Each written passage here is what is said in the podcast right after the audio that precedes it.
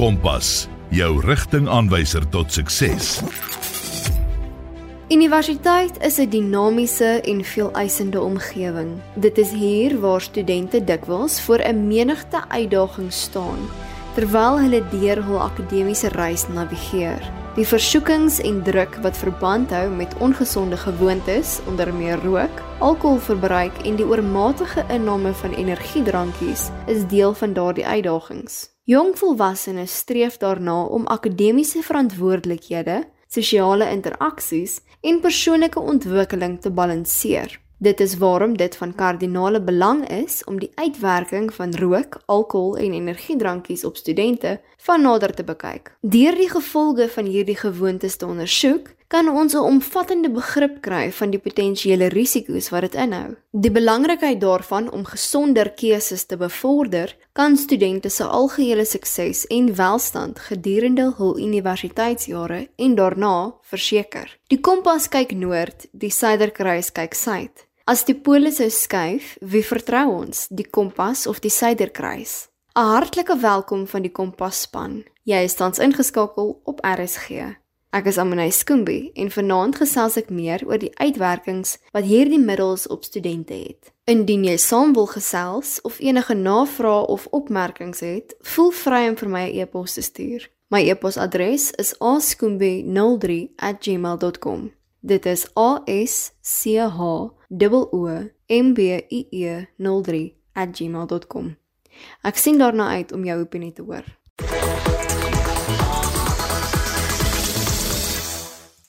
Ek het dit goed gedink om by mense aan te klop wat oor die nodige kennis beskik wanneer dit kom by verslawing.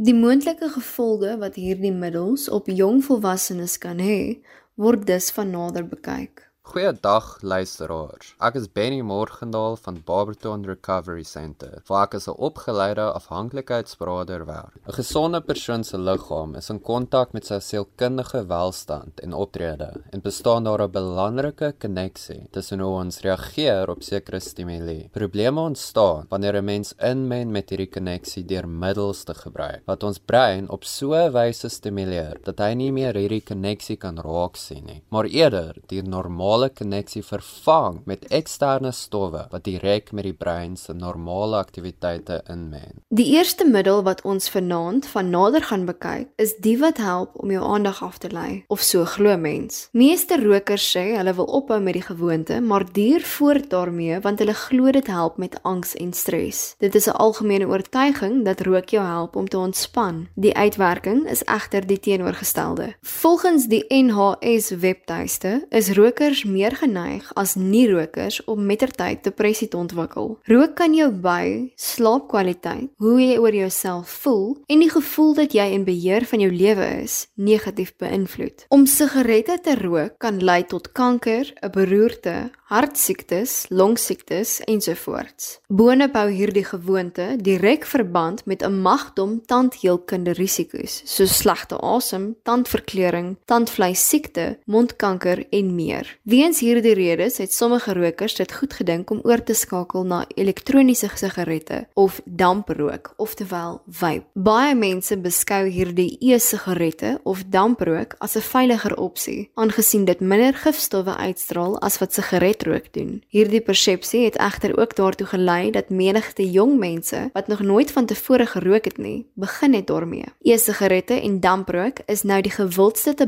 tabakproduk onder jong mense. Hierdie gewoonte is egter nie sonder gevare nie. Jong mense is meer geneig om risiko's te neem wanneer dit kom by hul gesondheid en veiligheid. Jong volwassenes loop 'n unieke risiko vir langtermyn langdurige effekte van die blootstelling van hul ontwikkelende breine aan nikotien. Hierdie risiko's sluit in nikotienverslawing, gemoedsversteurings en permanente verlaging van impulsbeheer. Nikotien kan ook die dele van die brein wat aandag en leer beheer benadeel. My naam is Pieter en ek is verbonde aan Freedom Recovery Center. Ons is 'n rehabilitasiesentrum wat ons toespits op mense wat afhanklik is van substansies soos alkohol, dwelms en dis meer. Dis vir my voorreg om met julle te praat oor drie substansies: nikotien, energiedrankies en dan alkohol en spesifiek die gevare wat dit inhou of moontlik kan inhou vir jong volwassenes. Nou die eerste substans waarna ons gaan kyk is nikotien en ek wil graag praat oor die kort en langtermyn gesondheidseffekte wat nikotien by jong volwassenes kan hê.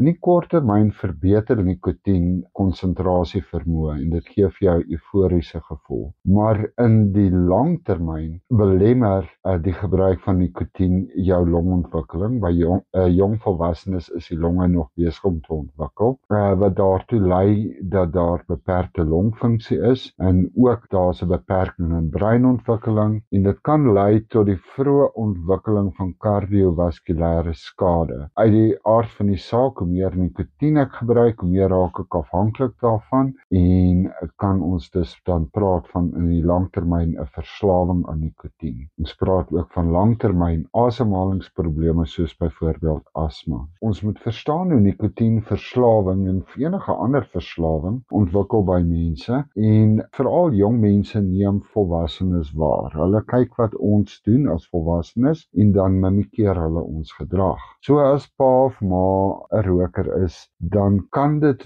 moontlik ook daartoe lei dat die kinders in die huis later in rokers sal ontwikkel. Dis nie te sê dat almal gaan 'n rokers ontwikkel nie. Die kans is 50-50, maar die gedrag word wel aan hulle blootgestel. Advertensies en films maak rook ook baie meer aanloklik. Gee beloof amper vir jou 'n opwindende lewenstyl en dan die ander belangrike faktor wat ons na moet kyk is groepsdruk. Nou binne sekondes nadat nikotien ingeasem is, skei die brein 'n dopamien af wat die feel good hormoon is wat jou natuurlik dan laat goed voel. 'n Ander middel in die brein, glutamaat, versterk nou daardie gevoel. Dit word ook afgeskei en wat dan die boodskap in die brein vassement wat sê, "Hm, nou gaan kry dit." En dit is hoe die afhanklikheid ontstaan. Sodra die euforiese gevoel, die dopamien uitgewerk is wat afgeskei is, dan kom die glutamaat, dan sê hulle gaan nou ek soek nou daai ding. Die glutamaat kom met die antwoord en sê, "Nou kom ons gaan kry dit." Nou ek wil graag praat oor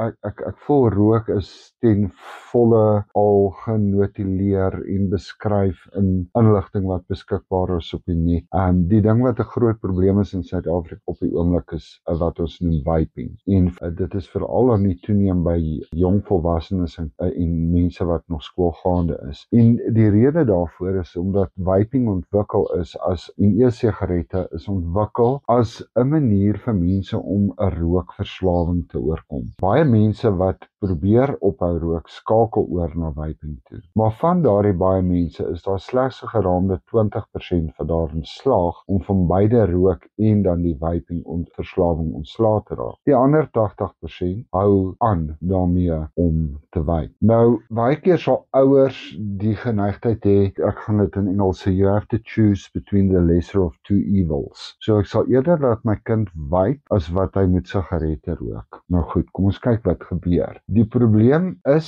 dat wyd beskou word as 'n gesonder alternatief, maar is dit? 'n Geraamde 80% van mense wat begin om te wyd, skakel uiteindelik oor na sigarette toe. Dis kan vaping beskou word as 'n gateway tot die rook van sigarette. En wat die spesifieke gesondheidsgevare van vaping insluit, is onder meer die volgende. Maar dit is nie beperk tot die lys wat ek nou vir julle gaan gee nie, maar eerstens asma, die ontwikkeling van asma. Vaping vergroot jou kanse om asma en ander longkwale te ontwikkel. As jy reeds asma het, is die kanse goed dat vaping dit sal vererger. Dan kyk ons ook na longsklerose of die vorming van littekens op die longe. Miskien het van die mense al gehoor van 'n uh, kondisie wat popcorn lung genoem word. Nou dit word veroorsaak deur diacetyl, 'n chemiese middel wat gebruik word in sommige van die vaping geurmiddels. En dit veroorsaak die toestand toestand bronchiolitis obliterans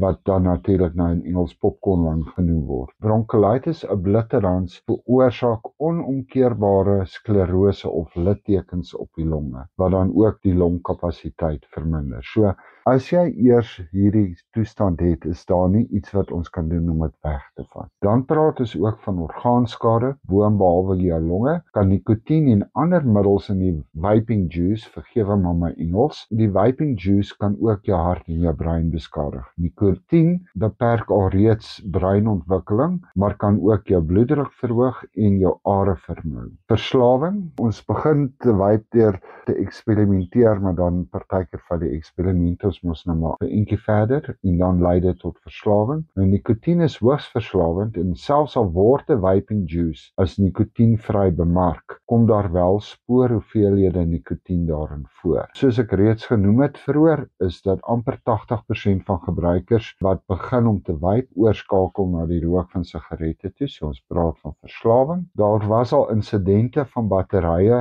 in vaping toestelle wat ontplof het en ernstige beserings en brandskade veroorsaak het. Van die bestanddele van vaping juice is karsinogenies of kankerwekkend. En dan 'n interessante toestand wat uit die akroniem EVALI bestaan. EVALI staan vir e-cigarette vaping associated lung injury. En dit is 'n ernstige longtoestand wat deur vaping veroorsaak word. Dit veroorsaak wydverspreide skade aan die longe en dit kan fataal wees. In laat 2019 en vroeg 2020 het Ivali bykans 1000 mense in die hospitaal laat beland en 68 van hulle is oorlede omdat daar niks vir hulle gedoen kon word nie. Die impak op geestesgesondheid en kognitiewe ontwikkeling aangesien nikotien aanvanklik stres verlaag is daar 'n verband tussen nikotienontrekking en stresverwante toestande soos depressie, aggressie en angs. Daar is ook 'n verband tussen rook en 'n geestestoestand met die naam van skizofrenie, veral as dit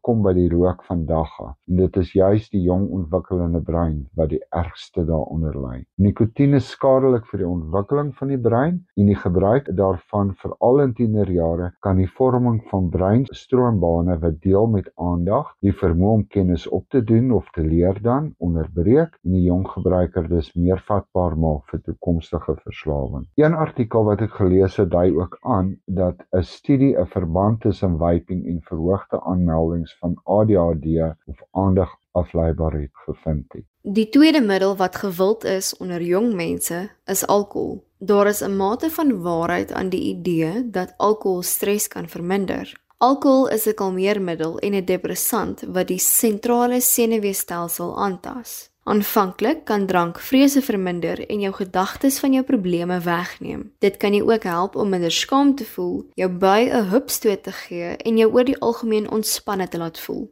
Trouwens, alkohol se effekte kan soortgelyk wees aan die van angsmedikasie. Om af en toe met alkohol te ontspan is nie noodwendig gevaarlik as jou dokter dit goedkeur nie. Maar sodra jy begin drink, kan jy 'n verdraagsaamheid opbou vir die ontspanningseffekte van alkohol. Dit kan selfs moeiliker raak om angs en stres te hanteer.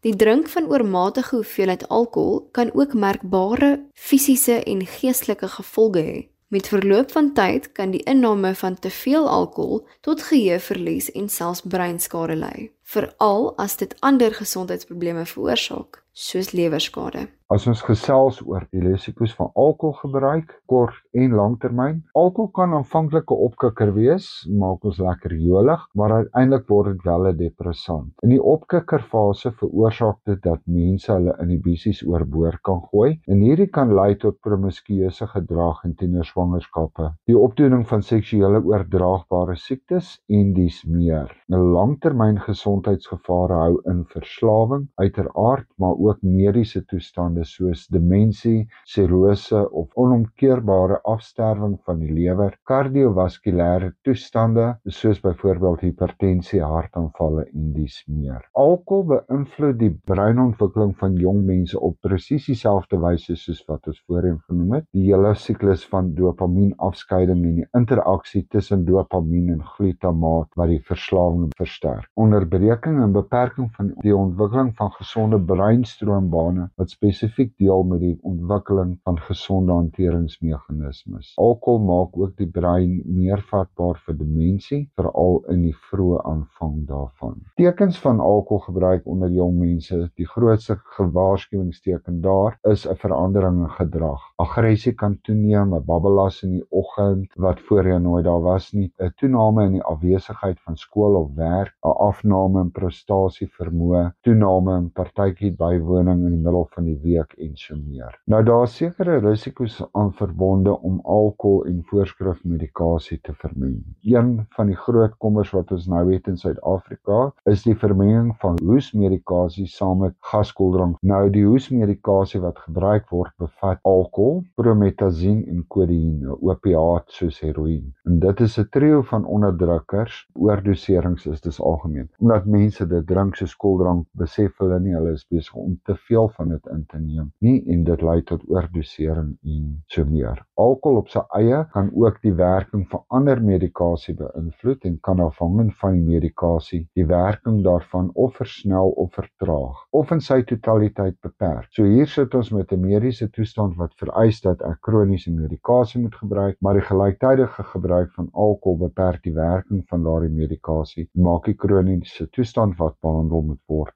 erger. Baie gevalle van selfdood kan ook toegeskryf word aan die gelyktydige gebruik van medikasie en alkohol. Die derde middel wat gewild is onder jong mense is energiedrankies. Energiedrankies is bedoel om jou energie, waaksaamheid en konsentrasie 'n hupstoot te gee. Mense van alle ouderdomme neem dit in en dit groei steeds in gewildheid. Sommige gesondheidswerkers het egter gewaarsku dat energiedrankies skadelike gevolge kan hê, wat daartoe gelei het dat baie mense hul veiligheid bevraagteken het. Jy kan die negatiewe effekte van energiedrankies ervaar na jou eerste sluk. Jy sal dalk opmerk hoe jou hartklop styg en jou stresvlakke verhoog.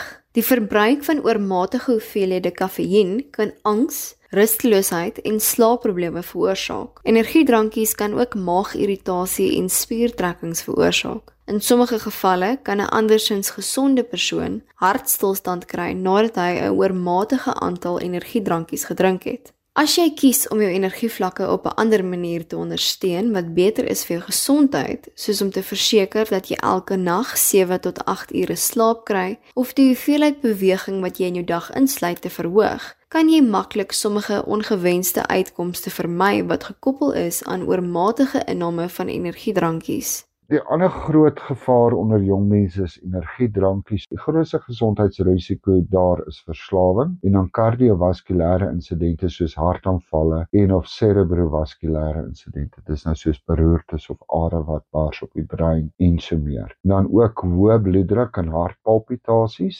asma, diabetes as gevolg van die groot hoeveelheid suiker wat in energiedrankies teenwoordig is en dan kafeïenoordosering en dan natuurlik lei energiedrankies daartoe dat ons ontwater. Die vraag bestaan want ons hoor gereeld van energiedrankies wat lei tot hartaanval en so aan of daar spesifieke kommer is by jong volwassenes wat met bestaande harttoestande sit en die antwoord daarop is uiteraard. As jy 'n onderliggende harttoestand het, moet jy so ver as moontlik wegbly van energiedrankies af want dit bevat verskeie stimulante wat hartpalpitasies kan veroorsaak, goed soos taurine, guarana, kafeïen en so meer. En hierdie is stimulante in die energiedrankie kan kardiovaskulêre insidente versnel. Selfs by mense wat andersins gesond is, kan ons vind dat hulle op 'n baie vroeë ouderdom aan verhoogde bloeddruk ly wat onomkeerbaar is. Daar's ook interaksie tussen energiedrankies en medikasie waarop mens bedag moet wees. Deur byvoorbeeld energiedrankies te gebruik saam met alkohol, verhoog die stimulante die alkoholvlak in die bloed. Die euforiese effek wat dit vir mens gee lei daartoe dat ons meer alkohol gebruik en dat ons dus alkoholvergifting kan opdoen wat fataal kan wees. Die gebruik van energiedrankies saam met voorskrifmedikasie kan ook lei tot die verhoogde afskeiding van serotonien. Nou dit is hierdie verhoogde afskeiding van serotonien wat kan lei tot ernstige hartpalpitasies en wat dan ook kan lei tot aanvalle wat soortgelyk is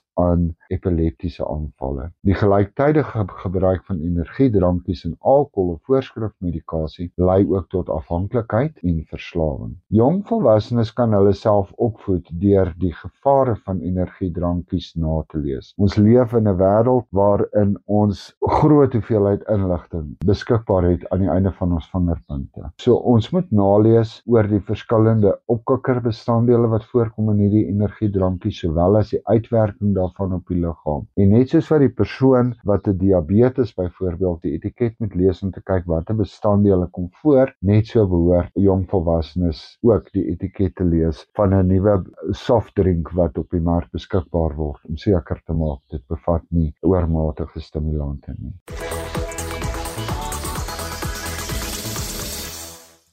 Pieter van Freedom Recovery Center bied ook raad aan oor hoe om te maak as jy wel van hierdie middels gebruik het en die gewoonte wil stopsit. Nou hoe praat ons met jong volwassenes oor die risiko's van byvoorbeeld oormatige nikotiengebruik of die oormatige gebruik van alkohol of so meer. Ons is almal jonk op een of ander stadium en as ons jonk is ons is maar rebels. Dis sodra iemand gesê het ons moet dit nie doen nie, dan het ons dit juis gedoen. 'n Mens moet dit onthou wanneer mens met jong volwassenes praat oor hierdie sake. Dis juis daardie brein wat alles wil uitvind wat mens moet stimuleer om dit op die regte manier te doen. Dit is belangrik om nie veroordelend te wees nie, maar eerder 'n atmosfeer te skep waar jy die persoon kan koopteer om oop en eerlik te praat en ondersoekend te luister na wat jy sê. Maar die regheid te sê jy mag nie, skep jy dalk net die reaksie van ek sal jou wys. Jong mense is ook minder geneig om met ons in aanhalingstekens en met respek, ek is 56, ou fossiele te praat of na ons te luister. Dit is daarom belangrik dat mense gebruik maak van mense wat self negatiewe ervarings gehad het met enige van die drie substansies wat ons bespreek het en daardie ervarings met hulle te deel. Watse hulpbronne of ondersteuningsgroepe is beskikbaar vir mense wat dalk sukkel met verslawing. Meeste skole, universiteite en kerke bied berading op een of ander vlak aan. Die belangrikste hier is dat wanneer 'n persoon of instansie genader word, hulle moet weet waarvan hulle praat. Alhoewel dit goed is om jou ouers in jou vertroue te neem en te erken jy het 'n probleem, is dit altyd aan te beveel om met iemand onafhanklik te gesels wat nie emosioneel betrokke is by jou nie. Mens kan ook aanlyn soek vir ondersteuningsgroepe. Sedert COVID is daar verskeie ondersteuningsgroepe wat aanlyn funksioneer. Wat strategie kan ek gebruik as ek bekommerd is daaroor dat ek dalk te veel van 'n substansie neem? Die eerste stap is om aan jouself te erken dat jou gebruik problematies is. Dan moet die persoon 'n aanspreeklikheidsvernoot aanwys, verkieslik iemand wat hy of sy vertrou, maar wat nie emosioneel betrokke is by die persoon nie. Identifiseer ook die omstandighede waaronder jy sal gebruik en vermy daardie situasies en praat met 'n beraader wat spesialiseer in substansgebruik. Lewenstylveranderinge wat ons kan aanbring of gesonder alternatiewe om die negatiewe impak van middels te verminder, sluit die volgende in. Die drie grootste snellers is people, places and playgrounds, the 3 P's. 'n Lewensstylverandering vereis dan ook dat ek daardie drie snellers aanspreek. Byvoorbeeld, as ek weet ek is geneig om toe te gee aan groepsdruk van my vriende af, behoort ek my vriende te verander. As ek weet ek is meer geneig om by skoolsokkies te wyk, maar nêrens anders nie, moet ek dalk eerder 'n alternatief vir die skoolsokkies kry en eerder die sokkie vermy. 'n Gesonde liggaam huisves 'n gesonde gees. Daarom beveel ons aan dat jy aansluit by 'n gimnasium of sluit aan by 'n belangstellingsgroep as jy belangstel in fotografie, nader 'n fotografieklub om vir jou gesonde afleiding te bied. Verander jou dieet om gesonder opsies in te sluit. Verseker ook dat jy voldoende rus inkry. Jong mense vind nog baat by 8 ure slaap per nag. Jy kry vir jou 'n aksiesport om aan deel te neem en leer, leer en leer oor verslawing. Moenie die eerste en die beste webtuiste wat jy lees se advies as gospel aanvaar nie. Bevestig en verifieer die inligting deur dit met ander webtuistes te vergelyk. As jy voel jy wil meer inligting bekom, gaan gerus na ons webtuiste toe. Dit is by www.frcrehab.co.za en daar sal kontak inligting wees wat jy kan gebruik om met ons in verbinding te tree.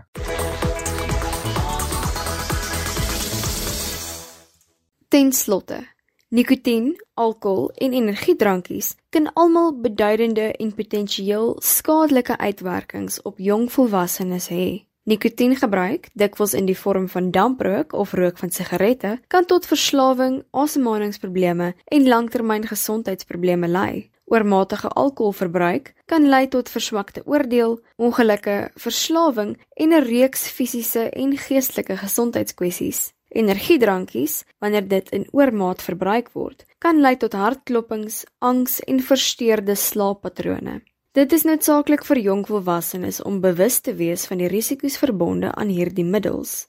Hulle moet ook ingeligte keuses maak om hul gesondheid en welstand te prioritiseer. Opvoeding, moderering en hulp soek wanneer nodig is kritiese stappe om hierdie negatiewe gevolge te versag. Om die vraag te beantwoord wat gestel was. Die kompas moet ons vertrou, want hy kyk altyd noord. Al skuif die pool ook in 'n ander rigting. Ek is Amanay Skoombie en ek sê vir jou baie dankie dat jy ingeskakel was op Kompas. Die program is ook nou beskikbaar op rsg.co.za as 'n potgooi.